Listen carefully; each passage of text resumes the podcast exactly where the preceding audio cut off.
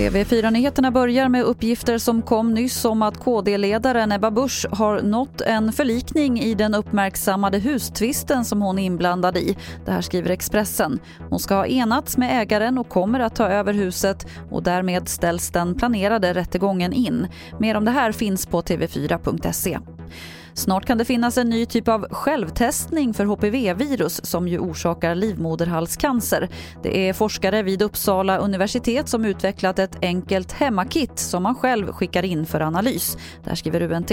På det här sättet hoppas forskarna nå de kvinnor som inte dyker upp på sina cellprovtagningstider.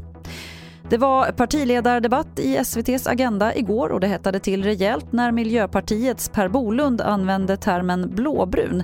Sverigedemokraternas Jimmy Åkesson blev upprörd. Jag får utgå från att han menar att jag står för det bruna i det sammanhanget. Och det betyder att han kallar mig för nazist.